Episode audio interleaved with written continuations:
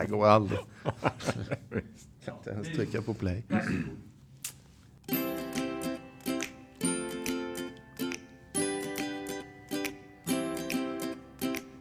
Yes, då är vi tillbaks och vi överlevde förra veckans eh, cruising med Leif och eh, från Väktmästeriet.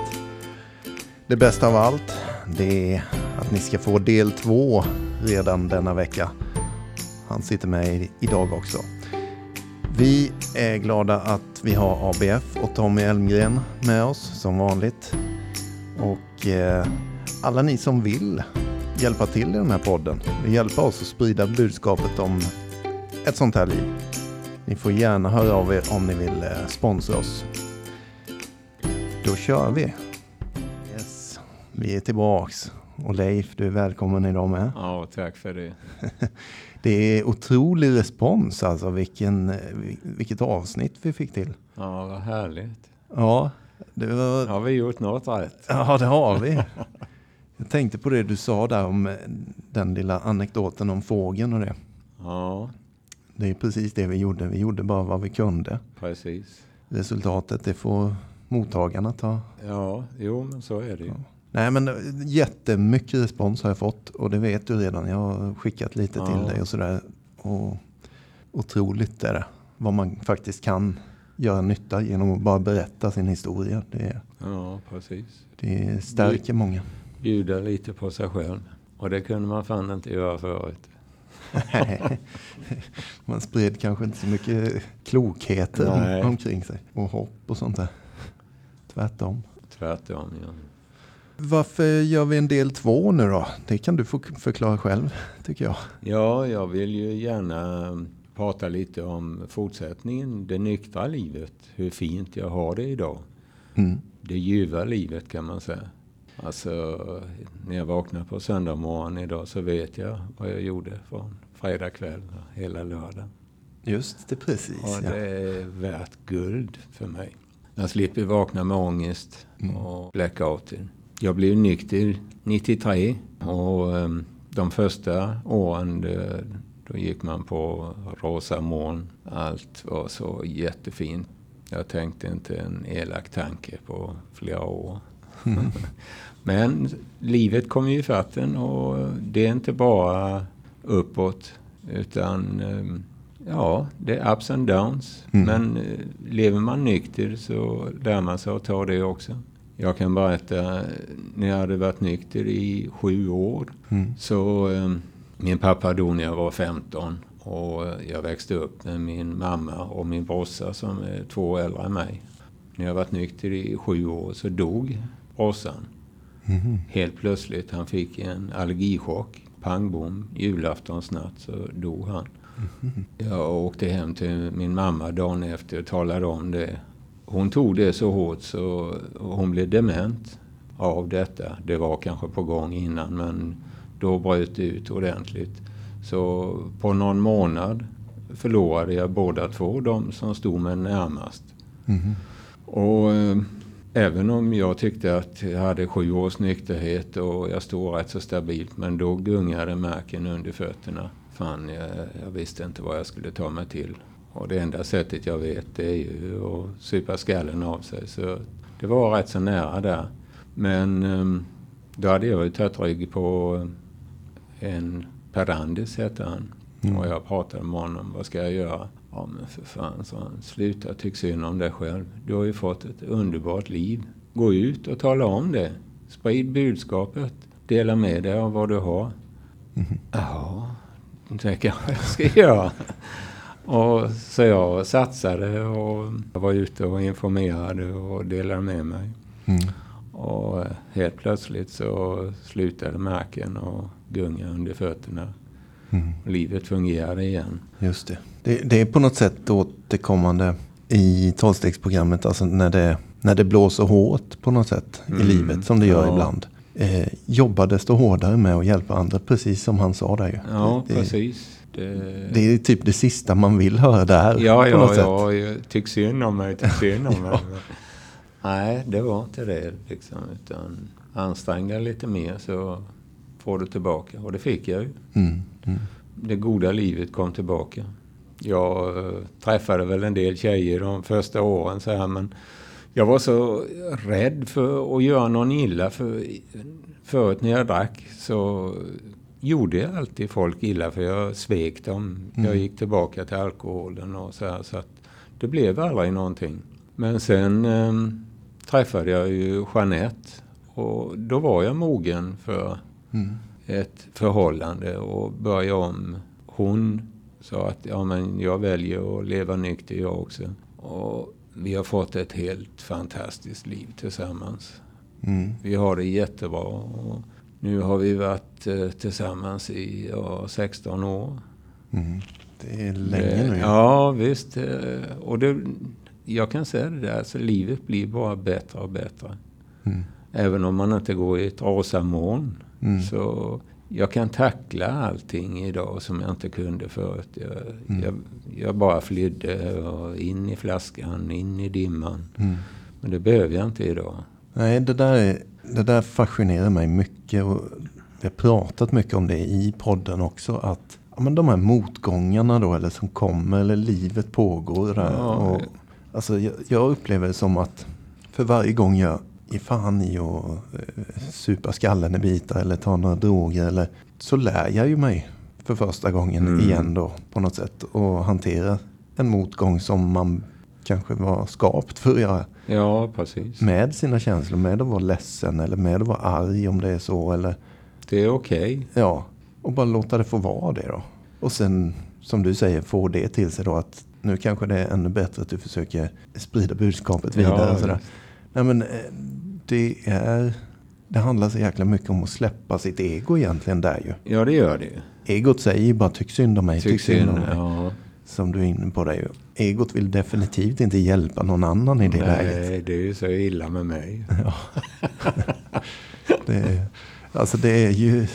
Men man, man, blir så jäkla man, jag ska prata för mig själv, rustad för varenda, den här, varenda motgång. Ja. Jag upplever det i alla fall mer och mer trygg när det kommer. För det Precis. kommer fortsätta ja, komma. Ja, det kommer. Lev livet på livets villkor. Ja. Och de är tuffa alltså. Ja, men det, det, ja, det finns en sån här klyscha i det. Jag är inte längre rädd för att vara rädd. Nej, just det. Alltså, man blir ju rädd ja. då när det börjar skaka under fötterna. Ja, precis. Men det är inte farligt längre. Nej, jag kan gå igenom det också. Och jag, precis som du säger, jag kan vara ledsen. Mm. Jag kan vara arg. Mm. Det är okej. Okay. Mm. Ja, så är det ju. Och ja. Jag tänkte på det också förra veckan där med Jeanette och det ju. För ni, ni hade ju haft en relation för flera år tidigare, 25 eller vad var det? Ja, 25 år emellan där då. Jag tyckte ju att hon lämnade mig. Ja. Men det var ju tvärtom. Nu ja. när jag fick prata med henne nyktert. För ja. jag lämnade henne gång på gång på gång och valde alkoholen framför henne. När jag kom hem ifrån sjön och hade varit borta 14 dagar och hon var hemma och väntade och nu kommer snart Leif. Så hörde hon en V8 utanför och kompisarna körde upp på gården utanför. Mm. Och sen mötte de mig när jag kom med taxi. Så jag kom aldrig upp i lägenheten utan jag åkte ut. Mm. Och kanske inte kom hem på två dagar till. Vilken gentleman. Och det, ja, vilket jävla svin jag var ja. alltså. Men det fattade ju inte jag. Nej. Jag har ju inte gjort någon illa. Du hade ju bara roligt. ja, visst. Ja, fy fan. Det är nästan som man börjar gråta bara man tänker på det idag. Hur fan ja. kan man bära sig åt så? Ja. Men det gjorde jag ju hela tiden, gång på gång. Och jag svek alla. Jag pratade om min mamma, att hon blev dement. Mm. Innan hon blev det, då hade jag varit nykter i några år. Och jag kunde säga till henne att är det någonting som händer om du känner dig dålig eller någonting. Bara ring till mig. När som helst på mm. dygnet mm. så är jag hos dig om en halvtimme. Det kunde jag aldrig säga innan. Nej. För en halvtimme efter jag kom hem så hade jag ju druckit alkohol. Och ring inte till mig. För jag kan inte köra i alla fall. Men vilken härlig känsla alltså. Då växer man ju. Mm. Att få vara närvarande hela ja, tiden. Liksom. Ja, visst. Ja. Bara ring. Jag kan komma när som helst. Ja. Det är, det är stort. Det är det. Det kan låta självklart för många. Liksom, ja, men, men, inte för oss alkoholister. Alltså, jag fanns inte till för någon annan än mig själv. Mm. Ja, nej men eh, Fantastiskt. Vad, vad tänkte hon då när du bjöd ut henne på fika där? Bara, kommer den jävla svinet igen? ja, ungefär så. Nej, hon, hon visste väl att jag var nykter och levde nykter för hon har pratat med sin syster och så här. Och, eh, som, som kände? Som kände mig, ja. ja. Men sen, hon var här nere en vecka och vi var tillsammans varje dag den veckan. Så mm. det, det liksom klickade med en gång. Det, mm. Känslorna och alltihopa fanns kvar där. Och hon såg det. Det var ju den Leif som hon blev kär i mm. en gång i tiden. Fan vad fint det Ja. ja, det är Hollywood. Riktigt häftigt alltså. Då, ja. då lönar det sig att bli nykter. Det är så. Jag kan inte komma på något som jag har förlorat på att bli nykter. Nu slår det mig. Nej. Det har bara funnits vinster alltså. Ja. Och då absolut. inräknar jag faktiskt motgångarna också som ja. vinster. Vi har... För man lär sig av ja. det. Ja, så är det. Ja. Jag klippte ju av mitt gamla liv. För jag testade ju det när jag gick och tog antabus i sex månader. Då var jag ute i raggarbilarna. Ja, men då kan ju du köra. För du är ju nykter ändå ju. Mm. Ja, visst. Och hur mådde man då? Ja. så eh, när jag väl hittade nykterheten, mm. då klippte jag av alltihopa. Jag eh, vågade liksom inte vara ute i raggarlivet och det här. Och det, det fanns ingen anledning heller. Jag var tvungen att, att ta hand om mig själv. Och jag var så trasig så det tog, ja, det tog till jag hade träffat Jeanette. Så eh, var vi uppe och hälsade på eh, i Jo. Och då hade jag läst en annons i Falköping. hade de en Camaro cab. Mm -hmm. Då tog jag med hennes cab så åkte vi upp dit och eh, la ett bud på den. Mm. Och fick den. Körde hem med den. En härlig känsla. Mm. Efter det sen så har jag haft amerikanare igen. Och jag kan köra på cruisingar och allting och vara nykter. Ja. Och det är jätteskönt. Jag är tillbaka i det gamla livet. Ibland pratar man ju om det att man ska göra allting som man gjorde på fyllan ska man göra i nykter kaliber. Mm. Och det här var ju en del av det ju. Ja, precis. Och eh, många är fulla som fan. Men mm. många är nyktra också. Mm. Eh, idag är det ju en annan, det här som vi pratade om förut, det har blivit så populärt med veteranbilar och sånt här. Mm. Och alltså de är nyktra och åker familjevis med barn och allting. Just det. Och, det är lite det, mer entusiasm eller vad ska ja, vi kalla det? Ja, det är det. Ja, en fest. Förut var vi ju drägget. Ja. och de har ju kommit också. Mm. Uh, ungdomarna som är idag och åker pilsnerbilar. Mm. Där var ju jag. Mm. Fast vi hoppade inte på bilarna på det sättet som de gör idag. Ja, Man var rädd om sin bil men uh, jag var ju den som var full och odräglig. Jag sa väl det förra gången. Jag tyckte det var jätteroligt att köra på stan och vara full mitt i veckan. Just det. Ja, Just det. Och bara glida omkring. Ja. Jag ska bara säga det, vi har en eh, pianospelare i rummet intill här idag, under oss. Så det är väl bra med lite bakgrundsmusik. Det blir jättebra idag. det får ni stå ut med, kära lyssnare. Det är sånt man kan tackla också idag. Ja, det är det.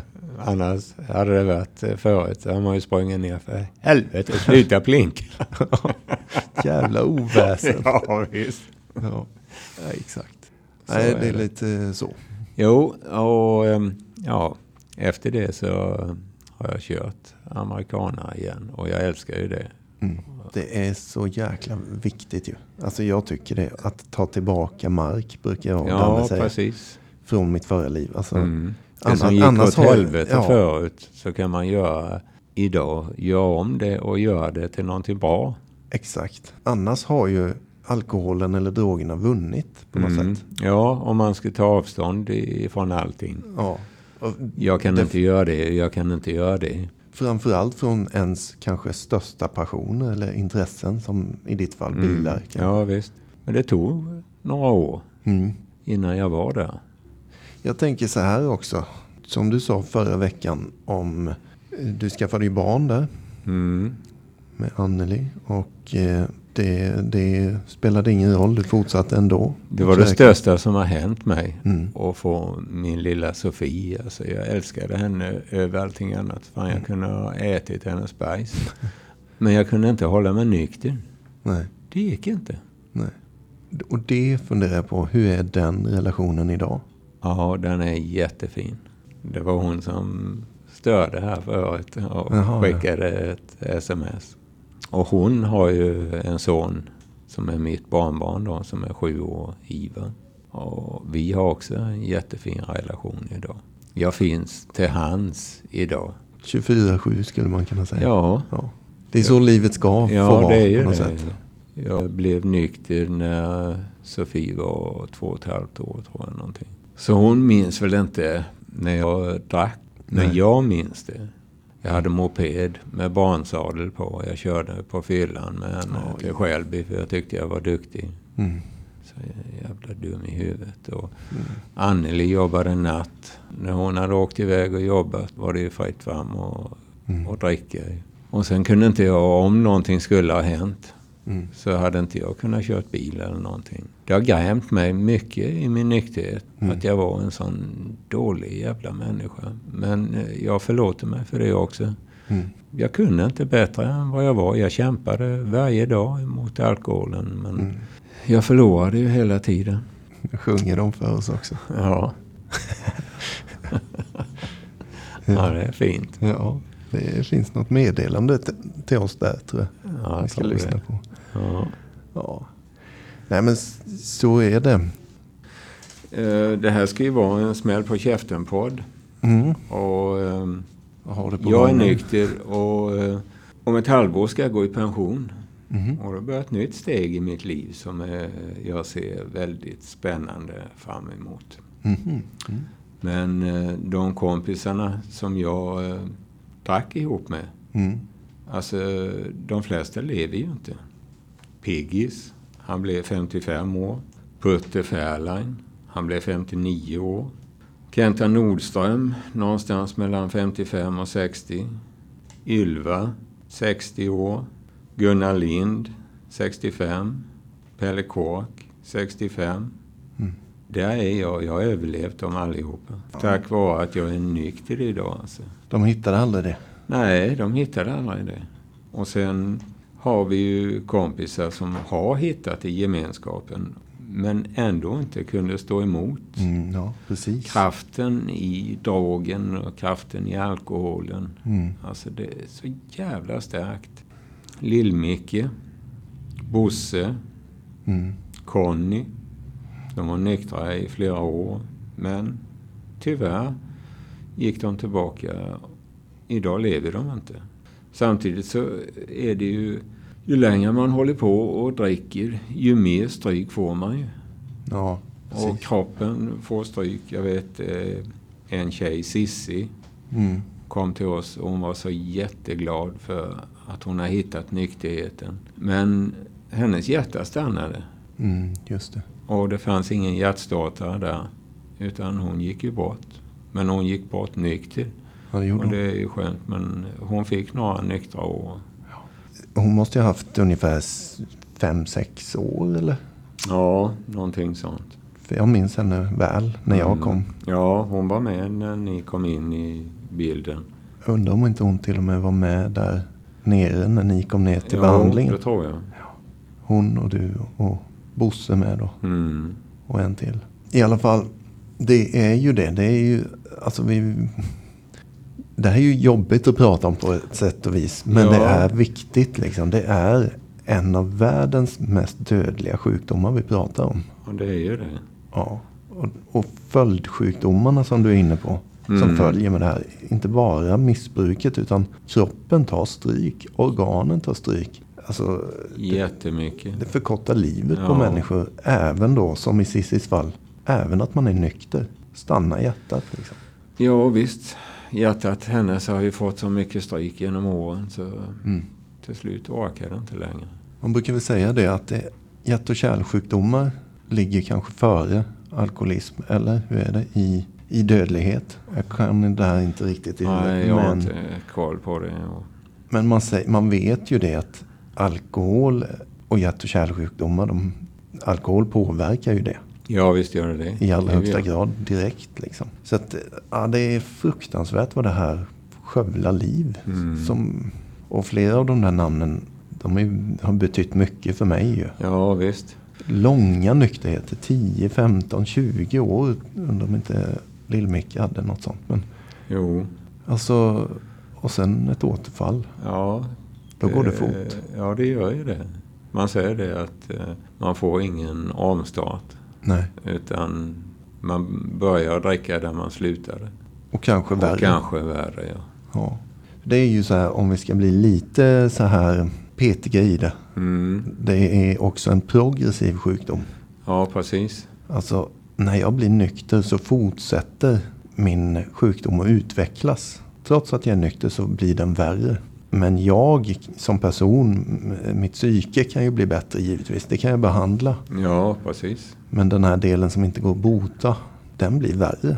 Det är det som händer då om du Mm. väntar i 10 år eller 20 år eller till och med 30 år innan du tar en drink igen eller vad det nu är. Då slår du hårdare alltså. Då, är det, då har det utvecklats i 30 år. Fast du, att du har varit nykter, du har inte sett det.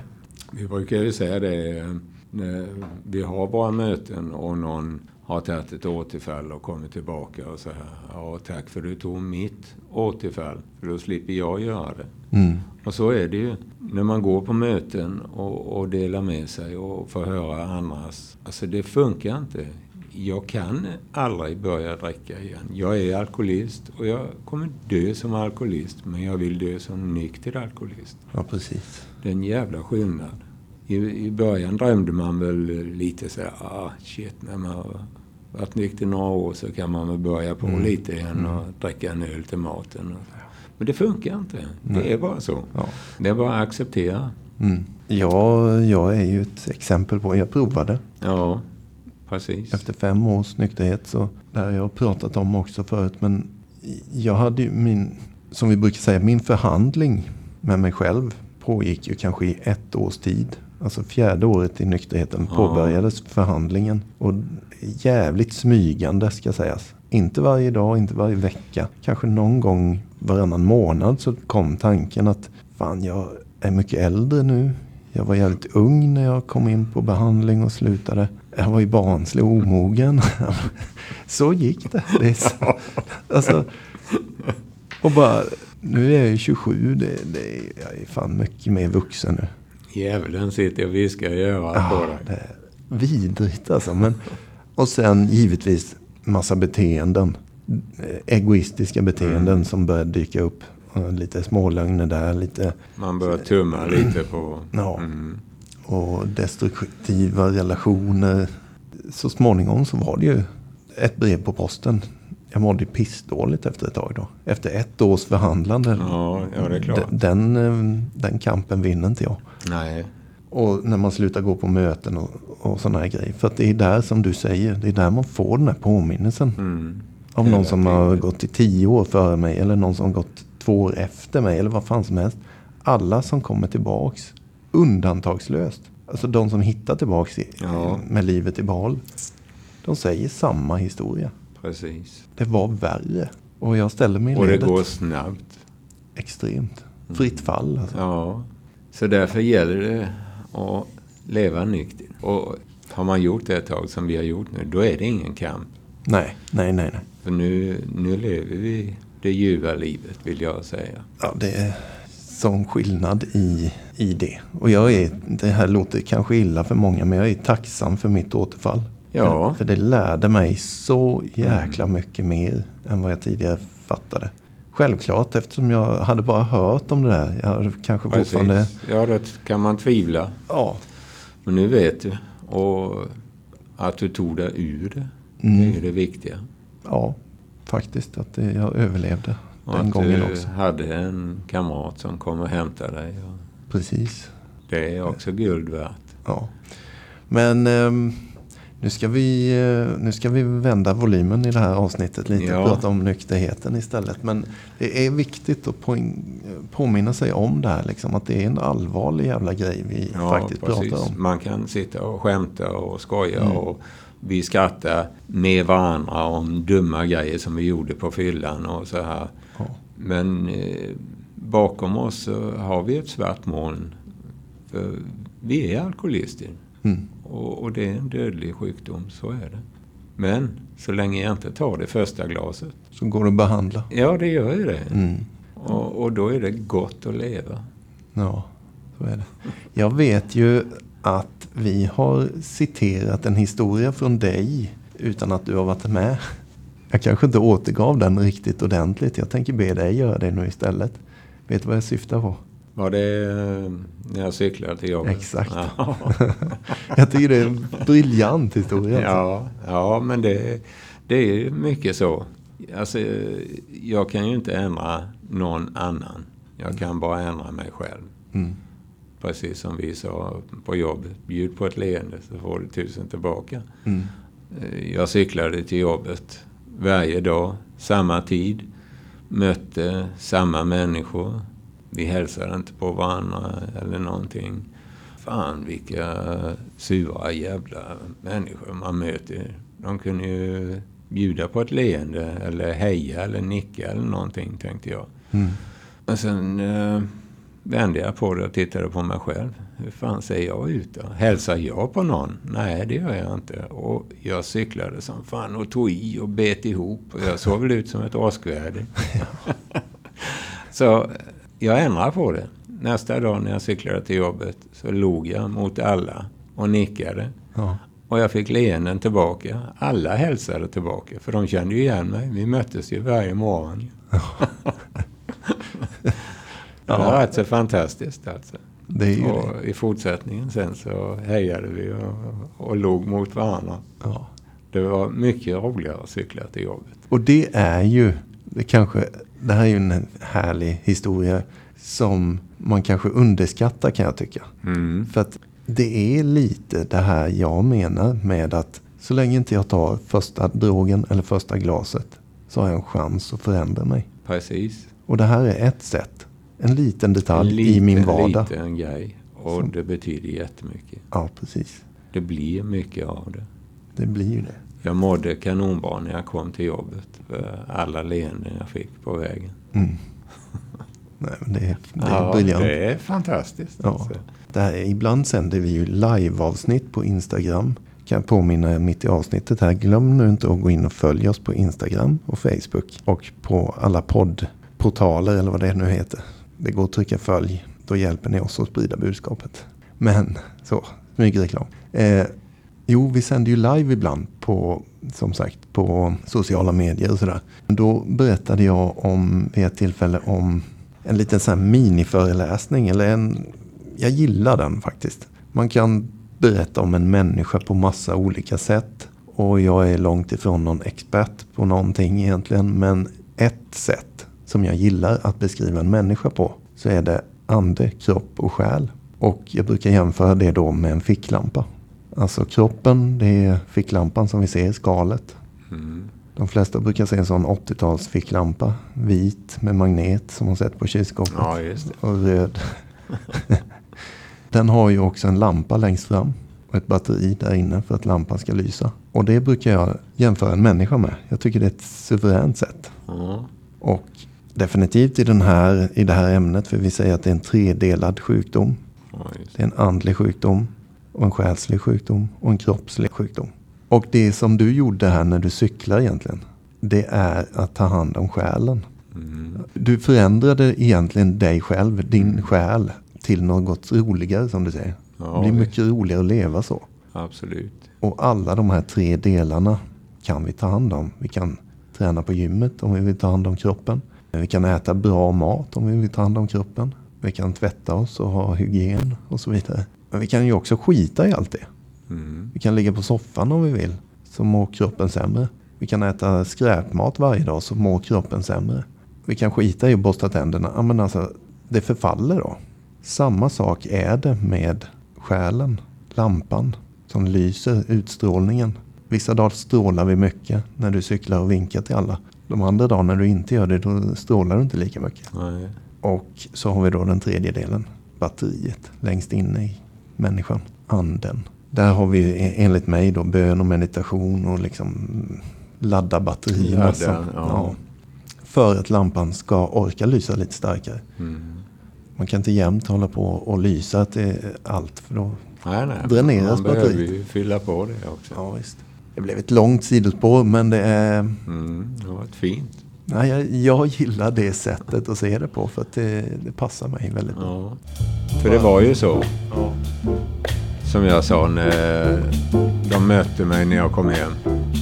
Och så bara mullrade vi åt den iväg och så kom jag aldrig in. Tidningen, det skulle bara ta en kvart När jag kom hem ett halvt dygn senare Tror fan och undrar vart jag vart Jag tror det började vid porten Att jag träffade en vän Varken gammal eller särskilt god Men han föreslog en sväng Så vi slank in runt hörnet Sa en öl och inget mer Och medan tiden rann iväg för oss Var det annat som rann ner Vi Men eh, sidovinster med nykterheten, det, det är så jäkla många. Det, En är ju ekonomin. Alltså eh, när jag drack så jag hade inga stora skulder när jag blev nykter. Men eh, jag söp ju upp varenda krona. Och jag levde ju på gränsen hela tiden. Mm. Efter att jag har blivit nykter så jag har sån god ekonomi. Och jag behöver aldrig tänka på oj, har jag pengar kvar i slutet på månaden? Det är en sidovinst som jag har levt med nu i många år. Alltså, så jag tänker inte på det, men så är det ju. Så var det aldrig förut. nej. För då, det viktigaste var ju att jag hade pengar till alkohol. Jag hade aldrig pengar till kläder och sånt där. Nej. Jag levde på gränsen. Jag vet, jag, jag stal. Mhm. Jag gick in eh, en gång, jag eh, var ihop med Anneli. Och vi var på, eh, inne på stan och det var jättemycket folk. Och jag tog tre skjortor som jag hittade som var jättefina. Och de var svindyra. Jag hade ju inga pengar till dem ju. Så, och jag var inte nykter heller. Jag tog alla tre skjortorna och bara gick ut ur affären. Och ingen såg mig. Jag tyckte ju att jag hade gjort ett jävla klipp. Men eh, ja, så, så gick det till. Och jag vet eh, innan de började att märka skorna så här, så bytte jag skor i affären och gick ut. För att det fanns inte pengar till sånt. Så då eh, gjorde jag mig hellre till tjuv. Mm. Alkoholen gick före allting. Vill jag ha ett par skor idag så går jag och köper dem. Jag behöver inte och vänta till det rea eller någonting. Utan vill jag ha ett par så har jag pengar. Mm. Och det är en jättestor sidovinst. Mm. Jag försökte hålla en snygg fasad. Mm. Men innanför den så var det ju kaos. På allt. Ja, men jag tror att eh, tiden rinner iväg när man har roligt. Jag gör ju det. Ja. Jag får tacka så mycket för att jag fick vara med en gång till. ja, och det är vi som ska tacka. Och alla ni som eh, vill höra mer, ni får lyssna nästa vecka. Tack och hej.